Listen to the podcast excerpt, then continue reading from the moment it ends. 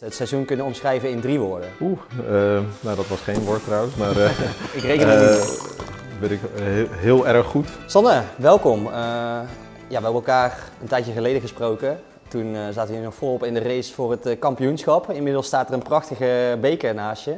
Dus mooie tijd om het seizoen door te spreken, ja, wat, ja, hoe jullie het beleefd hebben en ja, wat er allemaal gebeurd is. Laten we beginnen bij het begin, voor het seizoen. Uh, hoe, ja, hoe hebben jullie naar het seizoen toegeleefd? Hoe was het gevoel binnen het uh, team?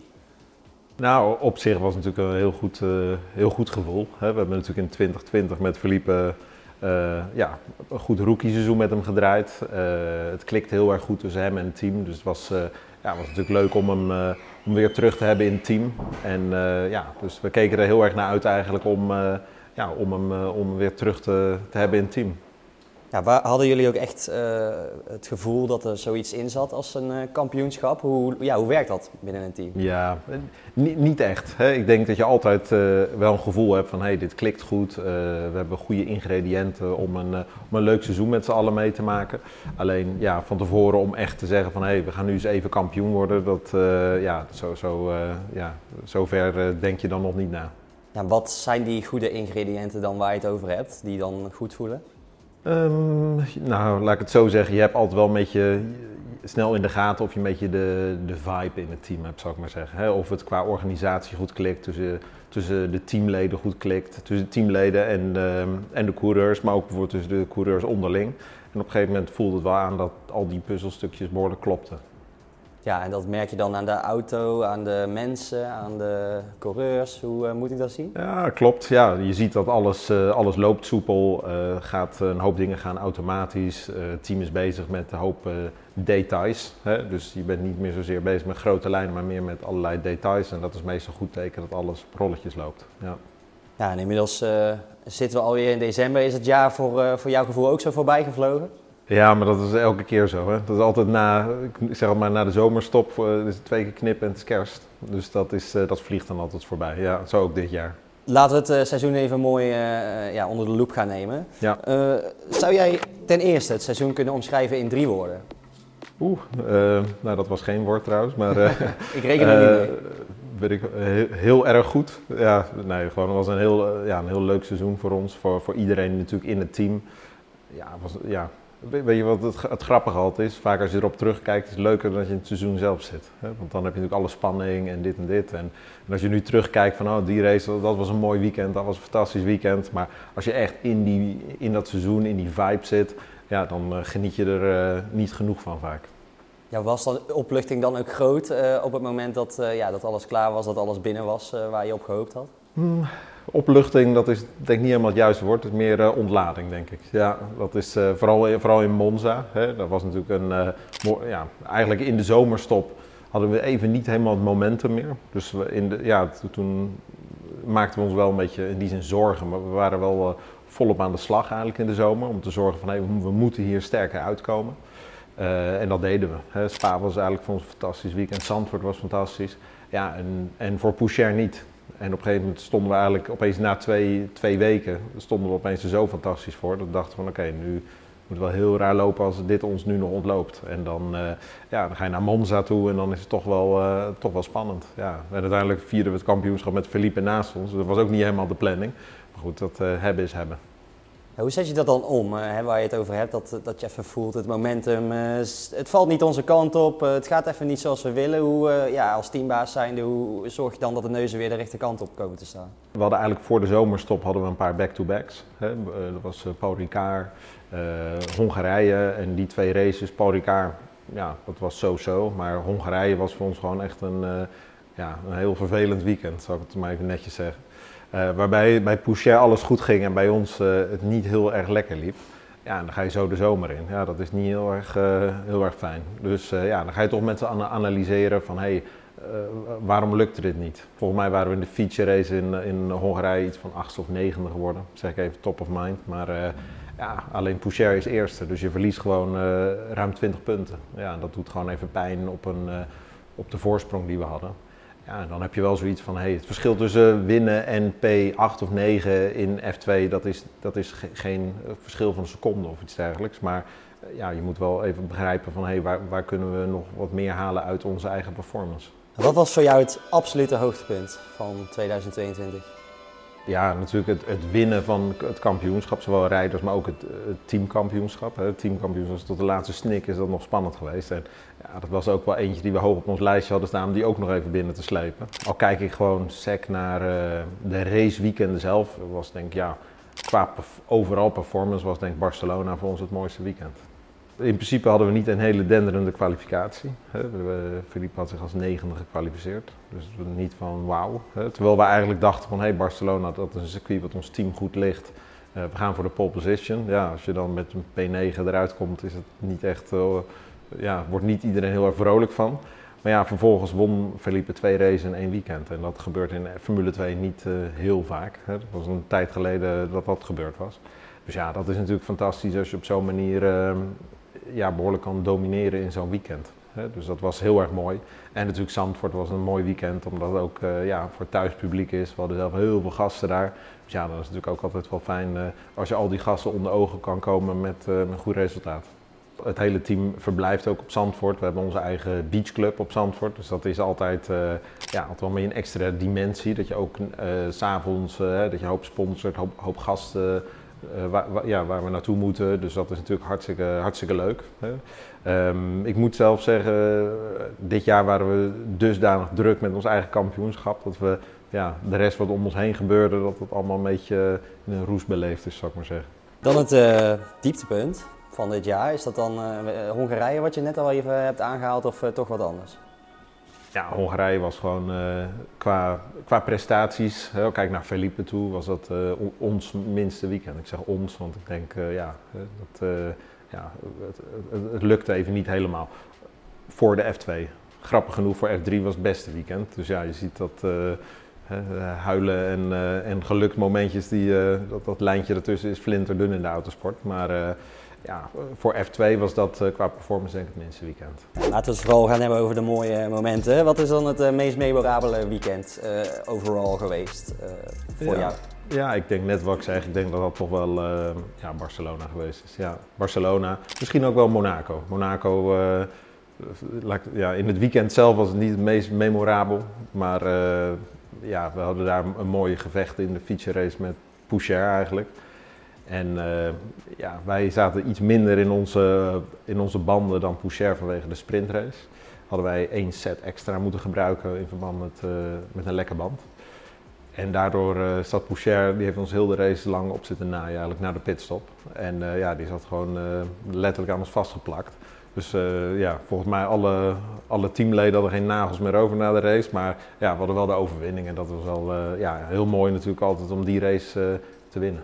Wat was volgens jou de mooiste actie van het seizoen? En dat mag natuurlijk van uh, uh, jouw eigen team zijn, maar het mag ook van een andere coureur zijn uh, binnen de Formule 2. Ik ben eigenlijk de race van ons, ja, daar kom ik weer. Maar dat, het Barcelona-verhaal waar Felipe vooral de feature race zo sterk was, dat hij gewoon echt van, van, achter, ja, van het middenveld eigenlijk stap voor stap naar voren ging.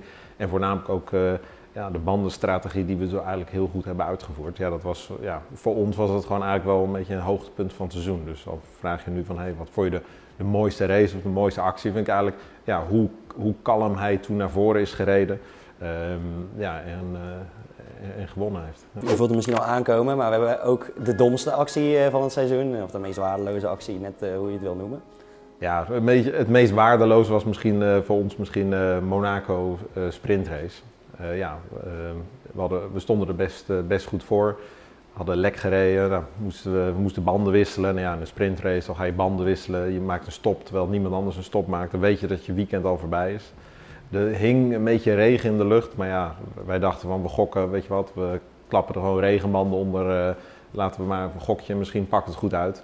Maar uiteraard dan valt de regen nooit. Dus we moesten weer terug naar, naar andere. Nou, mij hebben we die race vier pitstops gemaakt. En goed, we hebben dan in ieder geval een gokje gemaakt. Want die race, ja, we hadden anders toch, uh, toch er niks uitgehaald. Dus dan kan je maar beter uh, een beetje ja, uh, buiten de box denken. Gegokt en verloren. Ja, zeker. Um, ja, in Formule 1 hebben we natuurlijk, ja, daar staat de Formule 1 toch wel bekend om regelmatig de nodige controverses. Ook weer dit jaar, de budget cap, het sieradengedoe van Hamilton. Hoe zit dat in Formule 2 eigenlijk? is dat heel anders? gebeurt dat ook? krijgen we dat niet altijd even goed mee? Nou, dat is altijd wel, zijn natuurlijk altijd wel verhitte momentjes van rijders die met elkaar een stok krijgen. En ja, misschien teams die het wel eens met elkaar aan de stok krijgen. Tenminste, nooit niet, niet letterlijk, maar figuurlijk dan. Dus ja, het is, ja, het is net sport. Het is nooit saai. Ja. Dit jaar uh, ook zo geweest. En zo, ja, wat was dan de meest uh, ja, bijblijvende controverse volgens jou? Nou, echt controverse zou ik niet willen zeggen. Maar uh, ja, er zijn natuurlijk altijd rijders die het op de baan, ja, ook in de Formule 2 gaat er natuurlijk ja, stevig aan toe. dat staat me iets bij bijvoorbeeld op Silverstone tussen tussen Nissany en Hauger, hè, dat uh, Nissany er even overheen vloog. Of ja, na afloop uh, ja, zijn dat natuurlijk altijd wel wat verhitte gesprekjes. Maar ja, dat is ook de emotie natuurlijk van rijders als ze net de auto uitkomen. Ja, dan, dan, hè, dan, dan zitten ze natuurlijk nog vol adrenaline, nog vol emotie. Ja, dat is meestal nooit het uh, beste moment om ze op zoiets aan te spreken, zou ik maar zeggen. Ik wilde het ook even over Drugovic hebben natuurlijk. Ik las uh, van de week toen ik me aan het voorbereiden was dat hij eigenlijk helemaal, helemaal niet meer uh, zo'n zin had om in 2022 uh, Formule 2 te rijden. Klopt dat ten eerste? Um, nou, zin is, een, zin is een groot woord. denk ik dat elke coureur altijd wel zin heeft om ergens te rijden. Maar het was niet zijn, niet zijn directe plan inderdaad. Hij had, hij had zijn zinnen gezet op een andere categorie. waar ze iets serieuzer aan het kijken waren dan naar Formule 2 ook omdat hij in 2021 een uh, ja, wat teleurstellend seizoen gehad had. Dus, uh, dus ja, dat klopt. Daar was uh, meer elders aan het kijken dan naar Formule 2. Ja, hoe is het dan jullie toch gelukt om hem ja, lekker te maken om bij oh, jullie te komen rijden? Nou, gewoon vijf keer per dag bellen. Net zo lang aan zijn hoofd lopen zeuren totdat hij overstag ging. Nee, maar nou, ik denk wel, we, we hebben, we hebben ja, ons wel een beetje moeten verkopen aan hem. Hè? Wel moeten zeggen van, hé, hey, herinner je nog wel 2020, van een mooi jaar. En, ehm, en ik denk eigenlijk het voornaamste wat we gezegd hebben van joh, vergeet niet van als je nu, wij zijn ervan overtuigd dat we met, met jou, met Felipe, een goed seizoen uh, uh, kunnen draaien. En ook van ja, als jij zometeen een volgende stap in je carrière maakt op basis van een fantastisch jaar in de F2 of een, ja, een so-so jaar wat hij in 2021 had, ja, dat kan natuurlijk in jouw verdere stap in je carrière een, een behoorlijk verschil maken. Hè? Hoe, of je, ja, net als, oké, het is aardig uitge, uitgepakt, hij is aardig opgedroogd uiteindelijk. Maar als jij jezelf nu kan verkopen als Formule 2 kampioen of als middenmotor, ja, dat maakt natuurlijk, uh, ja, dat, dan kom je als kampioen iets makkelijker binnen elders. Ja, ik denk niet dat hij uh, spijt heeft gehad van. Uh, dat denk ik ook niet. Nee, dat denk ik ook niet. Denk je wel dat hij thuis hoort in Formule 1? Op de nou, Zeker. Ik denk iedereen die Formule 2 kampioen kan worden, uh, die hoort daarin thuis, denk ik. Um, ik denk wat Felipe dit jaar heeft laten zien eigenlijk, uh, met wat voor, uiteindelijk wat voor punten voorsprong die dat won. Meer dan 100 punten voorsprong op nummer 2. Terwijl alle coureurs daarachter heel dicht op elkaar zaten. Ik denk dat dat ook wel laat zien dat hij... Uh, ja, misschien halverwege het jaar dachten we dat we volop in gevecht waren met één of twee andere coureurs. Maar uiteindelijk heeft hij het seizoen behoorlijk gedomineerd. Vooral de tweede helft van het seizoen. En ik denk uh, dat plus het feit, volgens mij had hij in Abu Dhabi één race gewonnen. Had hij ook een record uh, gehad aan het aantal overwinningen in een Formule 2 seizoen. Dus ja, dat geeft wel denk aan dat hij, uh, dat, ja, dat hij daar zeker in thuis hoort. Ja. Ja, hoe denk je dan dat het komt dat er ja, nu toch eigenlijk geen kans is gekomen? Uh, ligt dat aan hem? Ligt het aan dat de concurrentie gewoon uh, enorm sterk is? Ja, ik denk dat het ook wel ligt. Dat is net aan hoe, hoe het allemaal loopt in Formule 1 zelf. Kijk naar Nick de Vries toen hij kampioen werd in de Formule 2. ja, toen heeft hij ook even eerst wat andere dingetjes gedaan. En uiteindelijk komt het alsnog goed. Dus soms, ja, ja, soms is dat altijd een beetje moeilijk te doorgronden hoe dat exact loopt natuurlijk, een hoop politiek speelt erin mee. Wellicht wat uh, een budgetsituatie.